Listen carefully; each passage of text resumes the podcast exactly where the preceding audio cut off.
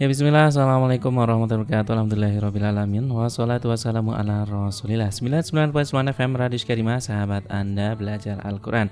Sahabat di mana pun Anda berada Senang sekali ya. Saya Nusa di kesempatan sore kali ini Bisa kembali hadir.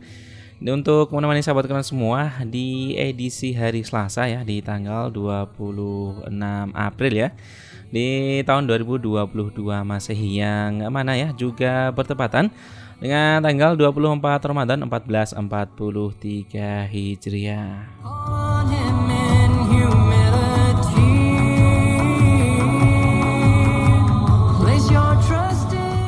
Ya bagaimana uh, kabarnya? Sahabat semua di kesempatan sore kali ini. Uh, Tentunya seperti biasa kami doakan ya uh, sahabat kalian semua. Semoga dalam kondisi yang sehat ya.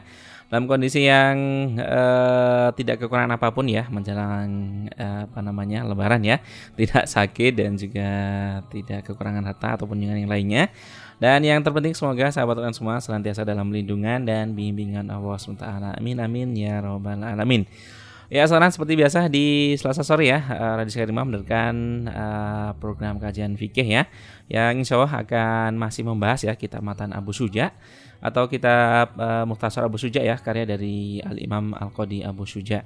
Yang mana uh, sahabat Quran mungkin juga sudah ketahui bersama bahwasanya kita fikih ini ya banyak dipelajari ya di uh, Indonesia ya dan tentunya uh, karena banyak berfokus ya dalam fikih madhab Imam Syafi'i tentunya.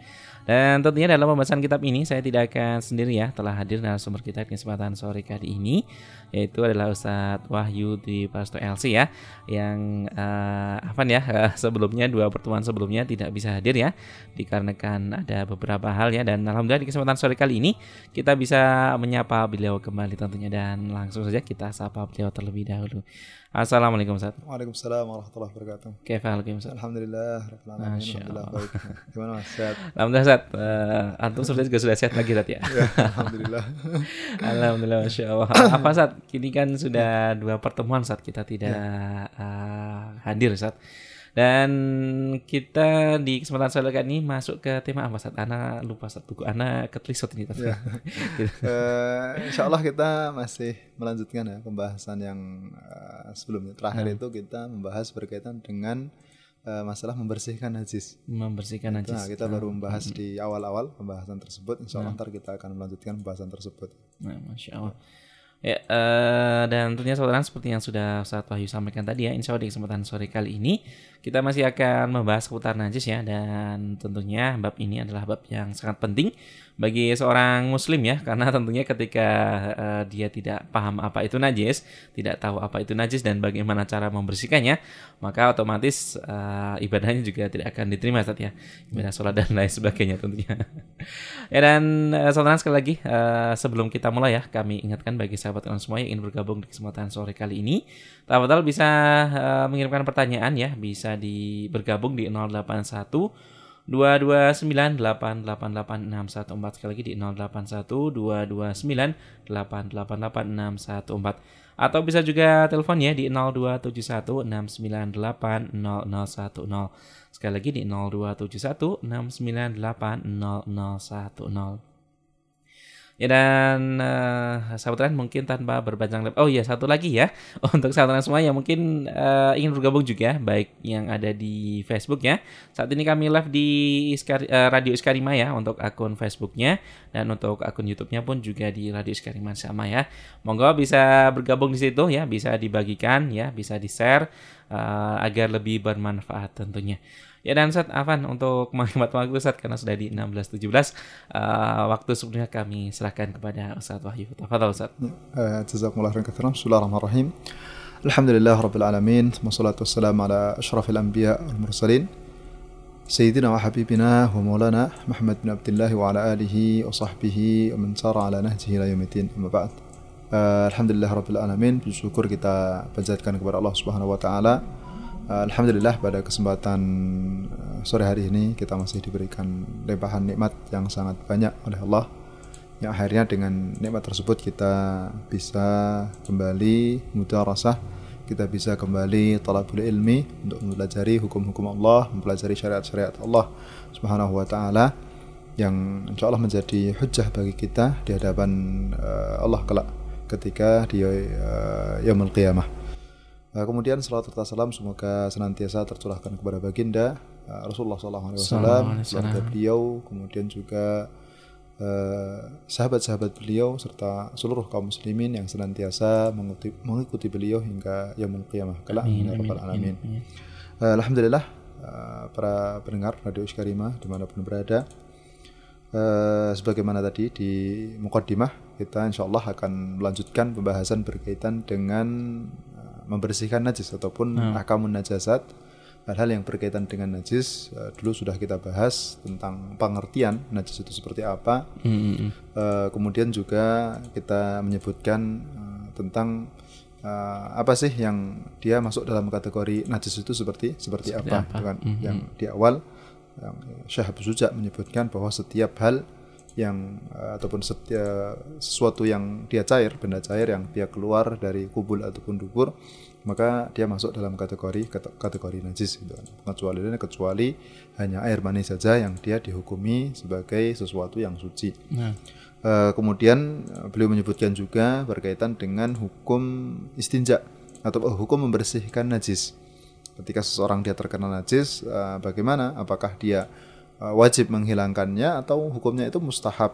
Mm-hmm. Di sini beliau menyebutkan bahwa hukum menghilangkan najis itu ya dia wajib uh, karena ada beberapa ibadah yang memang disyaratkan harus suci dari najis, najis seperti sholat gitu kan kita tidak boleh mengerjakan sholat kemudian di pakaian kita ataupun di badan kita atau tempat yang kita kerjakan untuk uh, tempat yang kita gunakan untuk sholat itu dia ada najis di situ.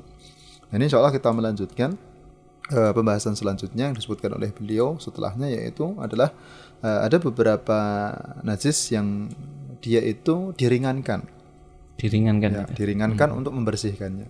Kalau yang sebelumnya kan najis-najis ini kan yang dia uh, istilahnya disebut sebagai najis mutawassithah, pertengahan.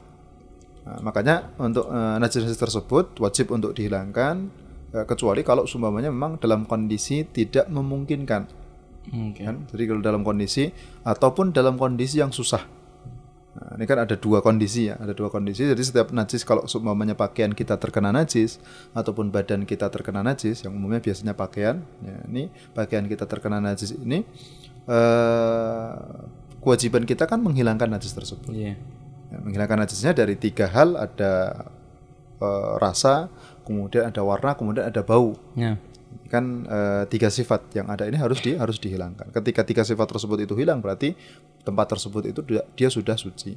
Tapi kalau sumpahnya masih ada e, salah satunya, nah ini beda hukumnya dibagi menjadi dua antara ketika yang masih tertinggal itu adalah rasanya. Mm-hmm. Rasa dari najis tersebut itu ketika masih ada maka di sini dia tidak dimaafkan. Mm-hmm. Ya, jadi ya tetap harus di harus dicuci e, kecuali kalau memang dalam kondisi tidak memungkinkan. Nah. tidak memungkinkan untuk di untuk dihilangkan. Jadi sudah dicuci berkali-kali tapi ternyata kok masih ada saja. Nah, maka patokannya susah ataupun tidak memungkinkan untuk dibersihkan itu para ulama menyebutkan ya dia uh, tidak bisa dihilangkan kecuali kalau sumpamanya dia harus dipotong jadi kalau mungkin lengan kita ini terkena terkena najis habis itu terus uh, ini sudah dicuci berkali-kali dengan berbagai macam mungkin penghilang najis ataupun penghilang noda tapi kok ternyata tidak bisa masih masih ada saja. Nah, kecuali harus dipotong. Nah, ini maka dia disebut sebagai sesuatu yang tidak mungkin untuk di untuk dihilangkan. Nah, ini dimaafkan. Jadi tetap dihitungi bahwa bagian tersebut itu najis, cuman memang dia dimaafkan oleh oleh syariat dan ketika dia sholat menggunakan pakaian tersebut ya tidak masalah sholatnya tetap dianggap sebagai sholat yang sholat sah. yang sah karena memang najisnya adalah di, dimaafkan. Nah sedangkan kalau sumpamanya yang dua lainnya yaitu warna ataupun e, bau di sini kalau sumpamanya dia e, dua-duanya masih ada ini juga tidak dimaafkan. Jadi dua ini masih berkumpul, masih ada rasa warnanya, kemudian masih ada baunya. Nah, ini tidak dimaafkan kecuali kalau sumpamanya cuma ada salah satu dalam kondisi yang dia susah untuk dihilangkan. Nah. Jadi sudah terkena najis, habis itu kemudian sudah dicuci, dicuci, uh, tapi ternyata najis tersebut tidak hilang ataupun susah untuk di, dihilangkan. Nah, apa sih patokan susah atau tidak susahnya itu? Yaitu kalau semuanya dia dicuci dengan air sambil mungkin dikerik, sambil dikucek itu sebanyak tiga kali, kok ternyata masih ada salah satu di antara bau uh, uh, bau ataupun warna. Nah ini yang disebut sebagai susah untuk dihilangkan. Dihilangkan. Jadi kalau semua kita terkena najis, terus habis itu kita cuci, kita kucek dengan air, kemudian tiga kali, satu, dua, kemudian eh, dicuci lagi, kemudian sampai tiga kali, kok ternyata masih ada salah satu, entah itu warnanya ataupun baunya, maka di sini dia eh, dianggap suci. Nah, mm, mm. Jadi dia- dan tidak ada kewajiban untuk mencuci yang keempatnya itu tidak ada. Kenapa? Karena memang dianggap bahwa tempat tersebut itu sudah sudah sudah suci. Gitu kan. Nah ini yang di, eh, najis secara umum. Najis secara umum untuk najis yang disebut sebagai najis mutawasithah ataupun najis pertengahan. Karena eh, dalam mazhab Syafi'i sendiri untuk najis itu kan dibagi menjadi tiga ya. Nah ini yang pertama ini yang umumnya. Umumnya najis itu adalah dia disebut sebagai najis mutawasithah ataupun najis pertengahan. Nah, kewajibannya tadi kita harus eh, menghilangkan rasa, kemudian bau ataupun ataupun warna. Nah, yang disebutkan oleh beliau selanjutnya adalah najis yang dia diringankan. Diringan. Maka disebut sebagai najis mukhaffafah. Najis yang dia ringan kenapa? Karena memang diringankan cara membersihkannya. Tetap dianggap sebagai najis. Ini tetap tetap eh, dia masuk dalam kategori najis, cuman memang diringankan cara membersihkannya tidak sebagaimana yang sebelumnya. Apa itu yang disebutkan oleh beliau? Yaitu adalah eh, air kencing bayi laki-laki yang dia belum makan makanan. Nah, Nah, belum makan makanan. eh, ada beberapa patokan. Jadi yang pertama adalah air kencing dari bayi laki-laki. Jadi berbeda kalau sumpamanya yang eh, najis tersebut adalah kotoran sumpamanya. Ini kalau semuanya kotoran berarti dia tidak dimaafkan ataupun eh, tidak diringankan. Maksudnya adalah dalam kategori najis yang dia mutawasithah. Kemudian bayinya adalah bayi yang dia laki-laki, bukan bayi perempuan. Kalau semua bayi perempuan berarti masuknya sama. Uh, seperti halnya najis mutawas mutawasithah. Kemudian uh, syarat selanjutnya yang ketiga yaitu bayi tersebut dia belum makan kecuali susu. susu. Di makanannya itu makanan pokoknya adalah su- susu. Jadi belum makan makanan yang lainnya. Makan makanan itulah makan makanan yang memang tujuannya adalah makan eh, makanan yang menjadi eh, istilahnya makanan pokok. Beda kalau seumpamanya dia diberi obat. Nah, Nah, kalau obat ini dia tidak mempengaruhi, tidak merubah eh, najis yang dia eh, tapi air kencing tadi itu najisnya tetap dianggap sebagai najis yang dia mukhaffafah bukan yang dia mutawasithah. Jadi kalau semuanya ada bayi sakit kemudian diberikan diberikan obat. Nah, makanan di sini kan tidak hanya sekedar makanan eh, dalam bentuk makan ya karena, minuman pun sama. Jadi kalau seumpamanya ada seorang bayi yang kemudian dia diberi eh, mungkin jus, ini kan minuman, tetap berarti di sini sudah ada syarat yang tidak terpenuhi, yaitu bayi tersebut dia sudah makan makanan yang bukan susu. Susu. Susu ini memang tidak disyaratkan harus ASI, tidak susu yang eh, lain pun kalau semua mungkin ngambil dari susu sapi ataupun mungkin dari susu kambing itu tidak masalah. oh, oke. Selama ini anak kira tuh cuma ASI aja ASI tapi ya. Jadi di- susu di sini tuh eh, mutlak ya umum. Susu apa pun selama masih mengkonsumsi susu maka tetap dianggap bahwa najisnya adalah najis yang dia mukhaffafah belum eh, masuk dalam kategori mutawasithah. Jadi tidak disyaratkan harus harus ASI. Nah, cuman kadang untuk berkaitan dengan susu formula kalau yang sekarang ini kan selain ASI biasanya kan kalau bayi ya tidak diberi susu sapi langsung karena eh, mungkin kalau secara kedokteran tidak pas gitu ya. Maka biasanya kan diberikan susu susu formula. Nah, ini kalau berkaitan dengan susu formula ini, nah ini eh, para ulama eh, yang sekarang ini, eh, ini apakah ntar menjadikan najisnya itu berubah menjadi uh, mutawasithah ataukah tetap mukhaffafah? Nah, maka beliau-beliau melihat, nah susu formula itu kan sebenarnya dia pertamanya mungkin bahannya adalah susu sapi. ya. Hmm, hmm, hmm. Cuman kan dia sudah ditambah dengan zat yang lain, ditambah dengan vitamin, kemudian ditambah dengan eh, zat-zat yang lainnya yang akhirnya bisa sampai em, menyerupai ataupun supaya mirip dengan kandungan gizi yang ada di yang ada di ASI. ASI.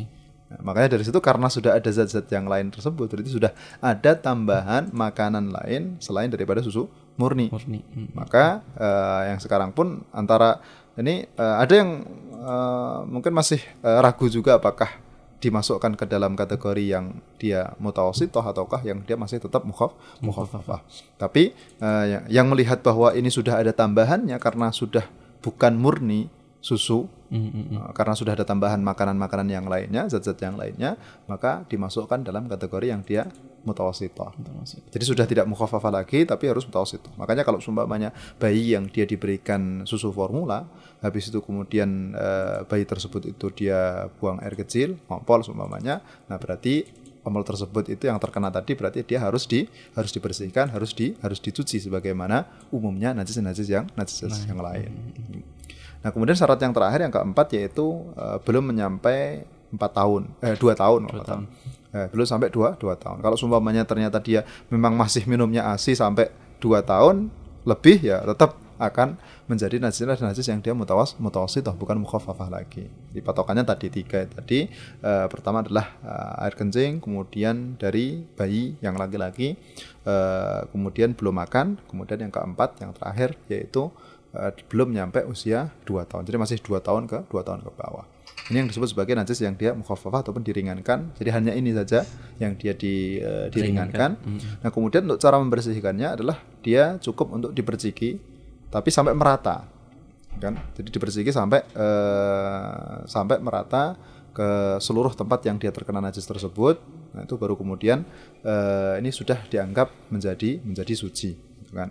Nah, yang dengan syarat ya eh, kalau seumpamanya ternyata ada air masih ada air kencingnya di situ ya berarti silahkan diperas terlebih dahulu habis itu kemudian silahkan sampai entar tidak ada sisa dari air kencing Air yang ada di situ habis itu kemudian diperciki sampai percikan air tersebut itu merata ke seluruh eh, bagian yang terkena najis tersebut. Dan itu setelahnya insya Allah sudah suci dan sebagaimana dilakukan oleh Rasulullah SAW ketika beliau eh, mangku seorang bayi kemudian tiba-tiba bayi tersebut itu ngompol dan Rasulullah SAW tidak tidak meminta air untuk eh, supaya pakaian beliau itu dicuci tapi tidak tapi cuman hanya meminta air kemudian beliau memperciki ke eh, tempat yang terkena ampol tersebut. Men- menuangi air lah. Ini yang disebut mempercikan atau menuangi air itu kan bedanya dengan mencuci. Kalau mencuci itu kan ada air yang menetes. Hmm. sedangkan kalau memperciki ataupun mungkin menungai air eh, menuangi menuangi air ke tempat yang terkena najis tersebut itu tidak disyaratkan. Dia eh, harus ada air yang menetes. Ini mem- yang membedakan antara antara keduanya. Tapi ya walaupun eh, seperti itu umumnya biasanya kalau yang sekarang terkena ompol ya biasanya eh, dicuci gitu kan. Karena ya kalau di tempat kita air itu mudah gitu kan, gampang. Kemudian kalau menyuci ya biasanya tinggal masukkan saja ke mesin, cuci. Gitu. Jadi tapi ala kulli hal ini kita mengetahui bah- bahwa dalam syariat ada keringanan yang diberikan eh, oleh syariat terutama kalau semuanya kita dalam kondisi safar. Nah, Ya seringnya kan dalam kondisi safar kemudian ternyata eh, mungkin kalau walaupun sekarang pakai sudah pakai popok tapi kadang mungkin popoknya ternyata bocor seumpamanya. Nah ini eh, bisa melakukan apa yang dilakukan oleh Rasulullah SAW. Alaihi Wasallam. Nah ini yang eh, disebutkan oleh beliau. Nah kemudian dari najis-najis yang ada, seluruh najis yang ada, beliau menyebutkan bahwa eh, tidak dimaafkan dari najis-najis tadi, dari najis-najis yang ada itu kecuali beberapa hal. Nah, jadi pembahasan setelahnya yang disebutkan oleh beliau adalah najis-najis yang dia dimaafkan. Apa saja itu? Nah, beliau menyebutkan pertama adalah darah yang dia sedikit. darah yang sedikit. Darah yang darah yang sedikit. Nah, sedikit ini kan eh, berapa sih patokannya? Apakah mungkin sebesar eh, koin ataukah mungkin sebesar telapak tangan atau seberapa? Di sini dia dikembalikan kepada adat ataupun pandangan dari orang-orang. Kalau seumpamanya orang-orang melihat bahwa ini dia adalah sedikit ya berarti sudah eh, dia dimaafkan. sedikit. Hmm. Tidak masalah. Itu berarti mungkin setiap daerah beda tuh, tiap negara. Eh, saya mungkin ngambil ke keumuman, Keumuman Keumuman- keumuman orang-orang apakah ketika semuanya melihat itu banyak atau atau sedikit. gitu. Karena kalau semuanya kita mungkin eh, melihat darah yang dia itu satu cakupan tangan gitu kan, penuh mengenai pakaian itu kan eh, rata-rata ya, insya Allah semua akan mengatakan bahwa darah tersebut itu banyak. gitu kan. Nah, tapi kalau seumpamanya mungkin eh, cuman satu titik ataupun mungkin seujung jari, nah itu kan eh, rata-rata akan mengatakan bahwa darah tersebut adalah darah yang sedikit. Makanya di sini di, dimaafkan, tidak masalah, tidak perlu. Kalau seumpamanya dia tidak mencucinya dalam kondisi sholat pun tidak tidak masalah. Sholat yang dia kerjakan tetap dianggap sebagai sholat sholat yang sah. Nah ini eh, pertama yang disebutkan oleh beliau darah ataupun yang semisalnya seperti mungkin eh, apa eh, nanah ataupun yang semisal dengan darah lah. Pokoknya dia masuk dalam kategori yang dia dimaafkan ketika dia sedikit. Nah kemudian sebagian lagi mensyaratkan dengan syarat tidak dengan perbuatan dirinya sendiri. Kalau seumpamanya dia eh, ada darah habis itu kemudian dia malah mengambil dengan tangannya habis itu kemudian ditempelkan ke pakaiannya ya itu eh, di sini dia tidak dimaafkan. Kenapa? Karena dengan perbuatan dirinya dirinya sendiri Jadi patokannya adalah kalau semuanya mungkin tidak sengaja ter- terkena percikan darah ataupun seumpamanya mungkin eh, ada temannya yang dia luka habis itu kemudian tidak sengaja mungkin dia nempel ke luka temannya tersebut di sini dia dima- dimaafkan dengan syarat tadi darahnya adalah darah yang dia tidak tidak banyak.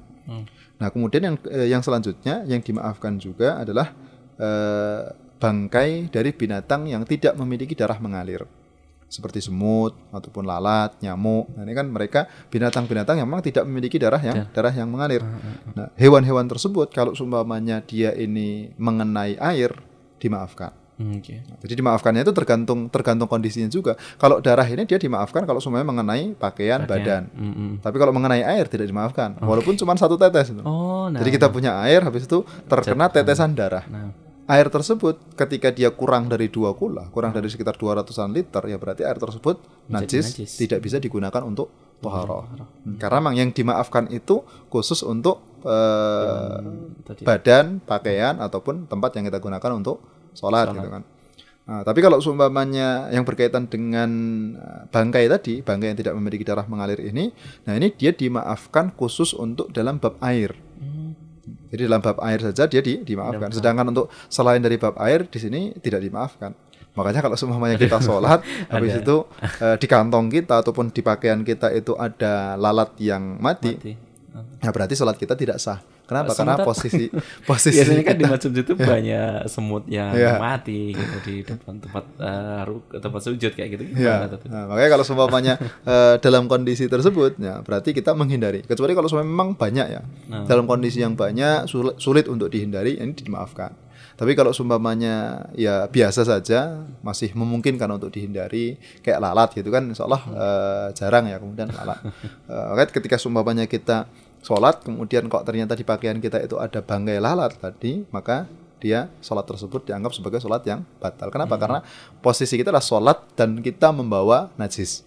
Hmm, Karena kita harus suci dari najis ini posisi malah kita sholatnya membawa najis. Ini dalam eh, madhab syafi'i bangkai dari hewan yang dia tidak memiliki darah mengalir itu dia tetap dihukumi sebagai eh, najis, Nah. tapi kadang dimaafkan. Kapan? Yaitu kalau seumpamanya dia masuk ke dalam ke dalam air. Tapi kalau dalam selain air ya berarti tadi tidak tidak dimaafkan. Kecuali kalau memang sangat banyak dan susah untuk menghindari. Nah, kadang kan ada orang ketika pas sholat, habis itu terus eh, digigit nyamuk nih. Nah. Nah, habis itu malah dia Pukul. mungkin eh, ditepuk nyamuknya. Nah, ini kan eh, ketika semuanya dia menepuk nyamuk tersebut, ini kan dia pertama melakukan gerakan, gerakan yang menafikan gerakan sholat. Habis itu kemudian eh, dia malah mengotori badan dia dengan bangkai nyamuk ataupun eh, dengan darah yang ada pada nyamuk tersebut. Nah, ini kan juga malah eh, dari situ sholat yang dilakukan menjadi sholat yang tidak tidak sah. Nah, makanya ketika seumpamanya ada nyamuk yang menggigit ya eh, antara mau sabar ataupun mungkin dia eh, disuruh pergi tanpa dia membunuh ketika itu. Karena kan posisinya sekarang masih dalam kondisi dalam kondisi sholat. Nah, ini yang perlu untuk di- diperhatikan karena kadang sering terjadi eh, kondisi tersebut.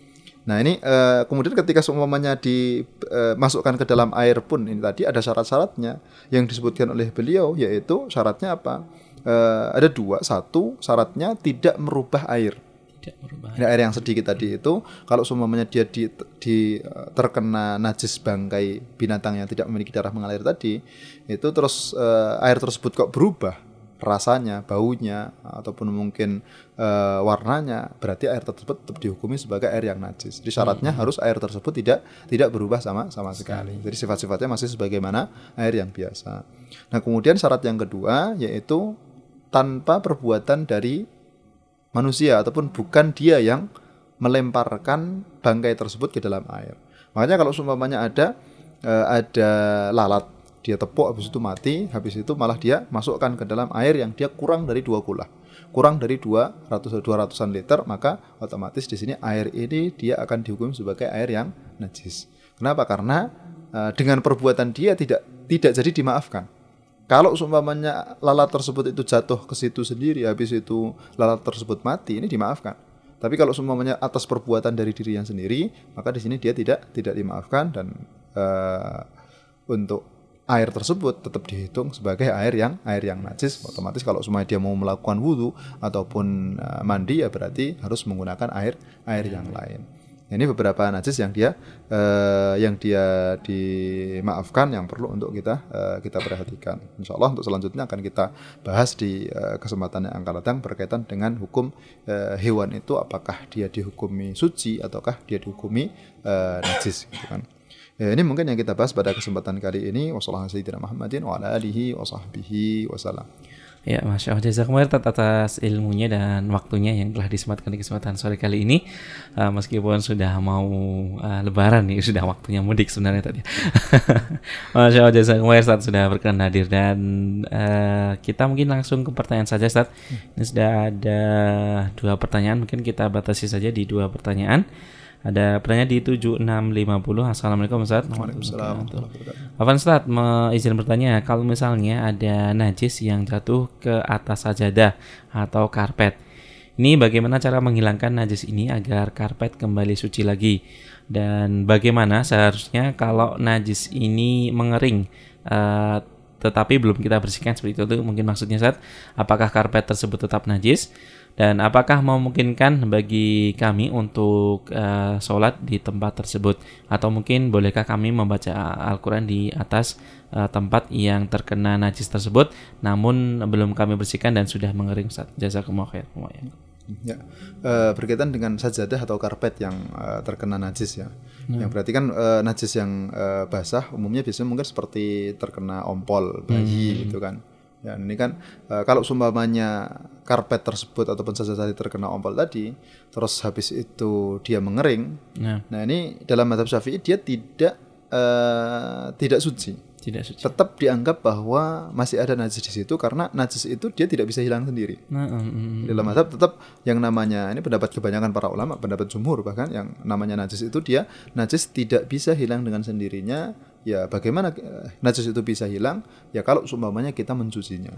Maka dalam kondisi karpet terkena ompol tadi, ya. mungkin terus kita keringkan, yaitu e, menurut kebanyakan para ulama ini masih tetap dihukumi sebagai karpet yang najis. Hmm. Sampai entar dia dicuci, kemudian najisnya itu tadi e, rasa, bau dan warnanya itu hilang, baru kemudian entar dihukumi bahwa karpet ini menjadi e, suci lagi. Suci. Tapi kalau semuanya tidak ya berarti dia masih dalam kondisi najis. najis. Nah, cuman kalau sumpamanya dia najis tersebut dalam kondisi kering, Habis itu kemudian uh, kita ingin memakai tempat tersebut itu kita bisa memakai dengan menggelari sajadah ataupun nah. kain yang lain yang menjadi penghalang antara kita dengan uh, karpet yang terkena najis tersebut. Itu tidak masalah. Jadi walaupun posisi aslinya itu karpet tersebut itu terkena najis, karena kan sekarang sudah kering nih posisi najis, nah, nah. tapi tetap masih dihukumi najis.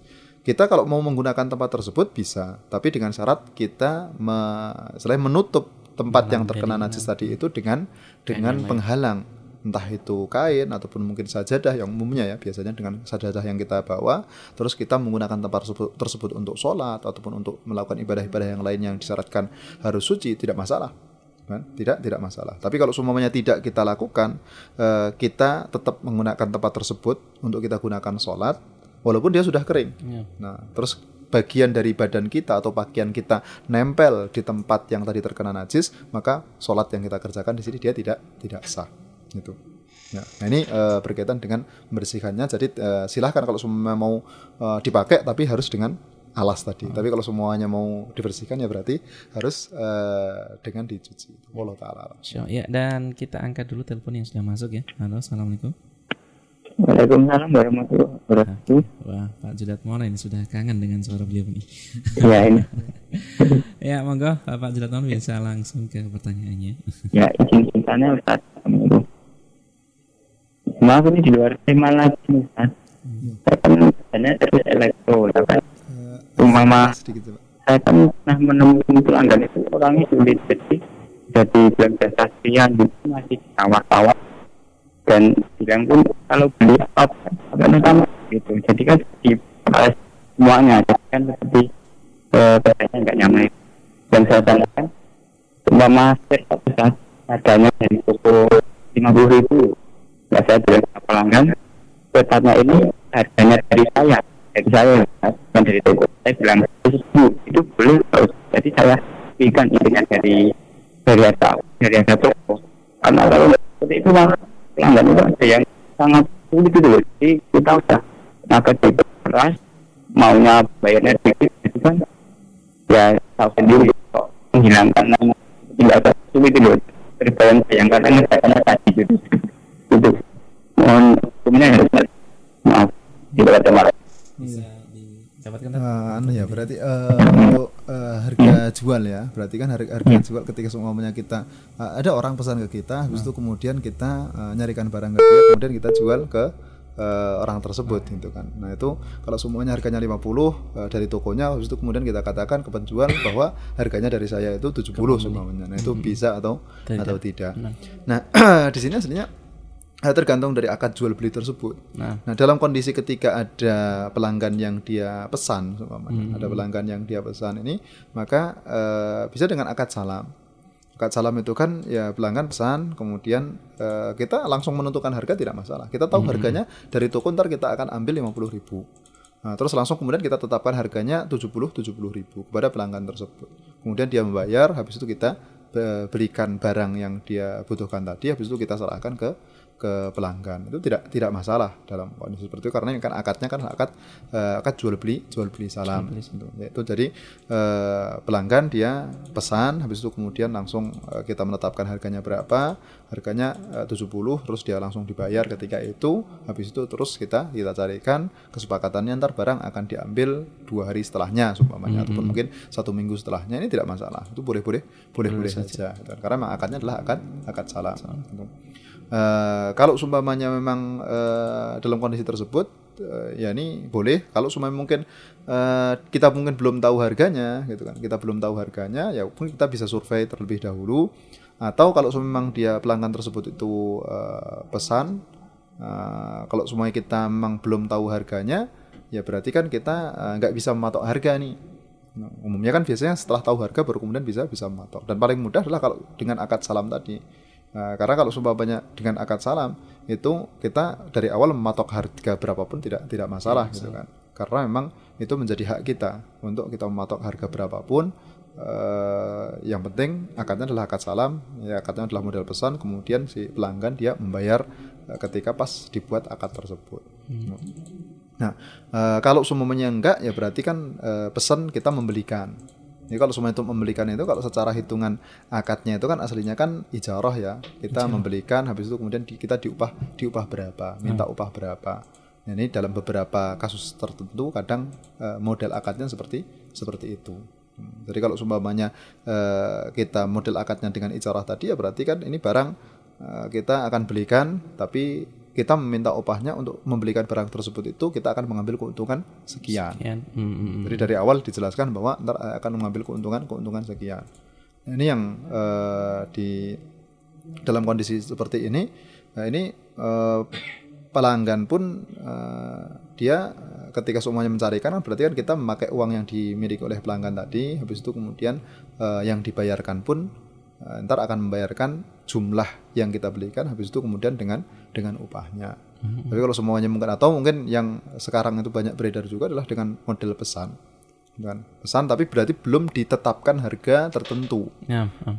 jadi dia pesan untuk kita nyarikan berapa habis itu kita eh, nyari barang ter- barang yang dibutuhkan oleh pelanggan tersebut setelah barang tadi itu menjadi milik kita baru kemudian kita bisa menetapkan harga, dari harga. eh, dari barang yang kita jual tersebut. Nah ini eh, insya Allah akan lebih eh, lebih aman dengan akad-akad tersebut. Karena kalau semuanya kita eh, menet- menet- menetapkan harga di awal gitu, sebelum kita memiliki barang ini kan ke- kalau dalam akadnya bukan akad salam nah ini kan sebagian para ulama menyatakan ini tidak bisa. Oh, karena kita menjual barang yang pada hakikatnya kita belum memiliki barang tersebut. Nah, makanya ya lebih baik kalau semua mau memang ditetapkan di awal ya akadnya adalah akad salam syaratnya yang pesan barang tersebut dia langsung membayar ketika itu.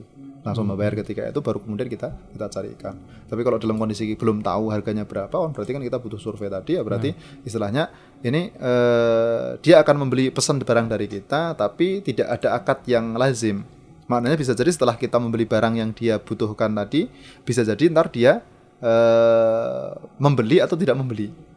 Hmm, jadi bisa jadi ntar dia membeli atau tidak atau tidak membeli. Dari sini lebih le- lebih eh, juga eh, fleksibel juga gitu kan. Cuman kadang dalam kondisi tertentu ketika barang tersebut itu adalah barang yang tidak diminati oleh banyak orang kita akan kesusahan untuk untuk menjual kalau memang orang tersebut ternyata membatalkan pesanan yang dia yang dia miliki. Tapi secara pada tahapan harga di sini fleksibel. Kenapa? Karena kita belum tahu harganya, terus kita survei, besok oh, ternyata harganya sekian, terus kita beli, habis itu eh, kita katakan kepada pelanggan tadi ini harganya eh, sekian. Sekian. Kita jual dengan harga kita kulaannya mungkin 50.000 ribu, terus habis itu kita jual dengan 70 70 ribu. Nah ini kan kembali kepada pelanggan tadi, apakah dia mau mengambil barang tersebut atau atau tidak. Karena memang tidak ada akad kesepakatan eh, di awal jual beli gitu kan. Makanya pe- pembeli pun ketika dia mau membatalkan pesanannya pun tidak tidak tidak masalah gitu kan. Karena kan baru baru hitungannya kan baru memesan. Nah, Nah, baru memesan, kemudian eh, kita mencarikan. Nah ini eh, bisa masuk dalam kategori murabahah juga. Cuman sebagian misalnya kalau untuk murabahah itu kan kita harus men, eh, ngasih tahu berapa sih keuntungan yang kita ambil. Ada orang pesan, habis itu kemudian kita carikan. Kita nggak punya barang nih, kita carikan. Habis itu setelah da- barang tersebut data, dap- eh, datang, kita kasih tahu nih, saya ngambil keuntungan sekian dari barang yang dipesan tersebut. Ini masuknya dalam kategori muro, murabahah. Tapi kalau sekedar ada orang pengen sesuatu, habis itu kita belikan, terus kita tawarkan lagi kepada orang tersebut, ini barang sekarang ada di tempat saya dengan harga sekian. Nah itu kembali kepada dia apakah antar mau ngambil atau Tidak. atau tidak. Itu. Insya Allah ini lebih eh, aman, berkaitan dengan eh, akad jual beli tersebut itu Allah taala. Masya Allah. Ya, jazakallah Ustaz dan semoga uh, Bapak Judatulnya bisa menangkap apa yang telah disampaikan oleh Ustaz Wahyu tadi. Dan mungkin kita ke satu pertanyaan lagi Ustaz karena sudah masuk uh, tadi sudah kita mau sampaikan uh, tapi uh, keduluan oleh Bapak Julat Mono. Kita bacakan satu lagi sebagai penutup acara kita di kesempatan sore kali ini. Ya Ustaz ada dari Abu Zura Ustaz di Karangpadan. Assalamualaikum Ustaz. Waalaikumsalam. Afwan Ustaz, apakah kotoran yang ada di bawah kuku ini dapat menghalangi sahnya wudhu kita Ustaz? Jazakumullah khair. Ya. Eh, di sini tergantung kotoran dari bawah kuku itu yang eh, kalau memang dia itu eh, kan macam-macam ya kotorannya. Tapi kalau semuanya mungkin eh, kotoran yang dia biasa itu kan yang dia dari apa ya mungkin dari eh, keringat dan kemudian bercampur mungkin sedikit debu itu eh, ketika seumpamanya memang dia sedikit itu insya Allah tidak menghalangi masuknya air. Mm, mm, mm. Tapi kalau semuanya mungkin menumpuk cukup eh, padat ini kan ini kan dia hitam gitu ya. nah, nah, ini kan dia bisa menghalangi sampainya air ke bawah kuku kita. Makanya hendaknya perlu di- dibersihkan karena eh, karena ya kebanyakan para ulama menyatakan kalau sumpamanya eh, ada sedikit eh, kotoran di bawah apa ada kotoran yang dia menghalangi masuknya air ke bagian yang wajib untuk dibasuh ya di sini menjadikan uh, apa yang kita kerjakan tersebut tidak sah entah wudhu ataupun ataupun mandi, gitu kan. Nah. Makanya kalau semuanya ada kotoran yang di kuku uh, hendaknya perlu di- dibersihkan. Ya, untuk Ya, kotoran untuk seminggu yang sekali tadi paling ya. untuk tangan kan mudah ya. Nah. untuk kaki nah itu silahkan mungkin di- diperhatikan ketika semua ada kotoran ya silahkan di- dibersihkan Bersihkan. supaya kalau seumpamanya ntar uh, ada air yang kita gunakan untuk wudhu itu dia tidak uh, terhalangi untuk masuk ke tempat tempat tersebut itu Allah taala alam Ya, masya Allah itu tadi jawabannya untuk Abu Zura yang ada di Ramadan dan juga tadi sebelumnya ada Bapak Zulat Muno Jazakumullah juga sudah bergabung dan sebelum juga tadi ada di 7650 Jazakumullah sudah uh, berkenan ya untuk bergabung di kesempatan sore kali ini. Ya dan Afansat karena terbatasnya waktu setelah ini kita masih harus ada live uh, mabar ya Tata. Afan jadi kita harus cukupkan dulu perjumpaan kita di kesempatan kali ini. Dan Afan juga untuk sahabat semua yang mungkin uh, pertanyaan belum bisa kami jawab ya. Insya Allah nanti kami simpan dulu. Dan kita bacakan nanti di bulan Syawal ya Ustaz ya. Syawalnya nanti kita belum tahu ya. Insya Allah nanti kita uh, sampaikan lagi kapan kita bisa live lagi seperti Ustaz ya.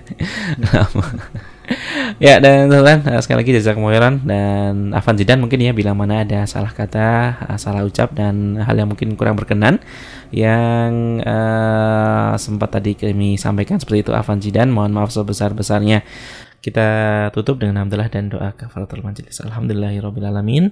Subhanakallahumma wa bihamdika asyhadu an la ilaha illa anta astaghfiruka wa atubu. Wassalamualaikum warahmatullahi wabarakatuh.